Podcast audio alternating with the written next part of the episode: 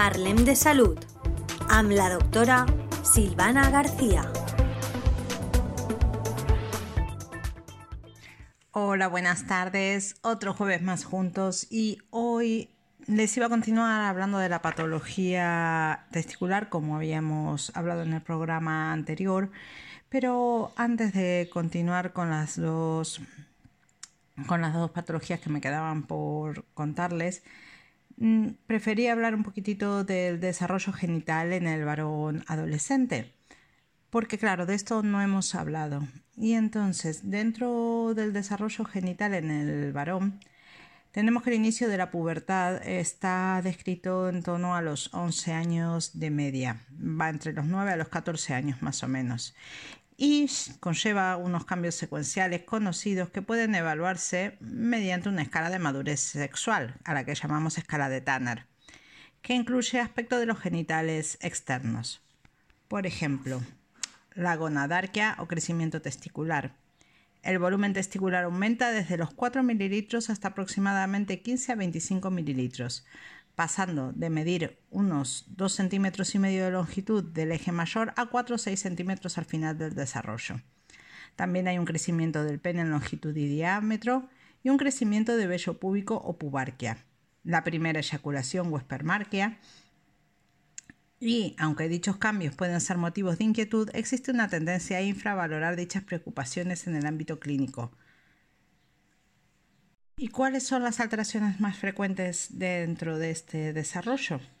Puede haber una ginecomastia, ¿vale? Que puede afectar hasta un 70% de los varones. Puede ser uni bilateral. Y es más evidente en pacientes con sobrepeso, que es una pseudoginecomastia.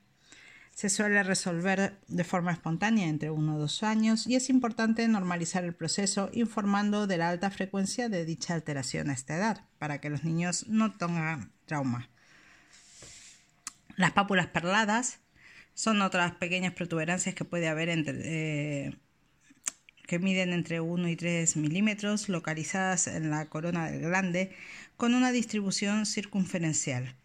Se encuentran hasta un 20% de los adolescentes, también en niños a veces, y su aparición no está relacionada con la higiene personal o la actividad sexual, y no requieren tratamiento. El tamaño y la forma del pene.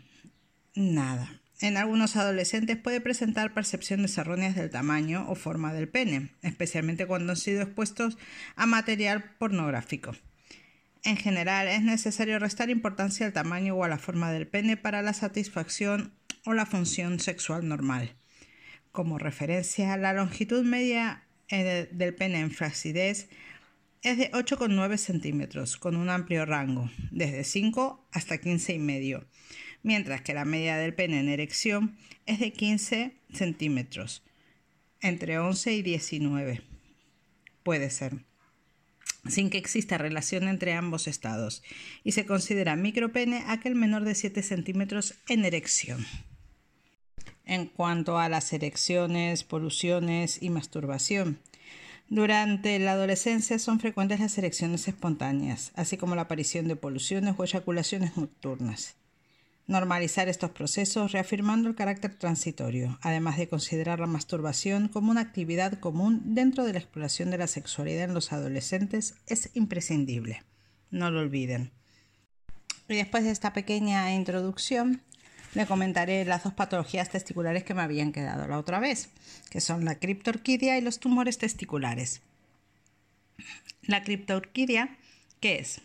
Es la ausencia de al menos uno de los testículos en el escroto afecta a un porcentaje pequeño de los varones recién nacidos a término y generalmente el tratamiento quirúrgico se realiza al año de vida. Sin embargo, existe una proporción no despreciable de varones que pueden llegar a la adolescencia sin haber recibido tratamiento, y esto puede deberse a un ascenso tardío del testículo, desde la bolsa escrotal durante el crecimiento como consecuencia de la mala fijación, de la existencia de un proceso peritoneo vaginal permeable o de la presencia previa de testículos retráctiles. Otro de los motivos podría tratarse de la falta de derivación para valoración por un urologo pediátrico con la esperanza de que se produzca un descenso espontáneo. ¿Y cuándo tienen que descender estos testículos? Bueno, está establecido que el descenso testicular se puede completar durante los seis primeros meses en los nacidos a término y hasta los 12 meses en los prematuros. El tratamiento de los testículos palpables consiste en la orquidopexia. En el caso de los testículos no palpables, existe controversia acerca del manejo. Y en cuanto a los tumores testiculares, constituyen del 1 al 2% de las neoplasias en varones y tras la pubertad son malignos prácticamente en su totalidad y se caracterizan por un aumento gradual e indoloro del testículo que adquiere una consistencia dura. Debe confirmarse el diagnóstico mediante ecografía.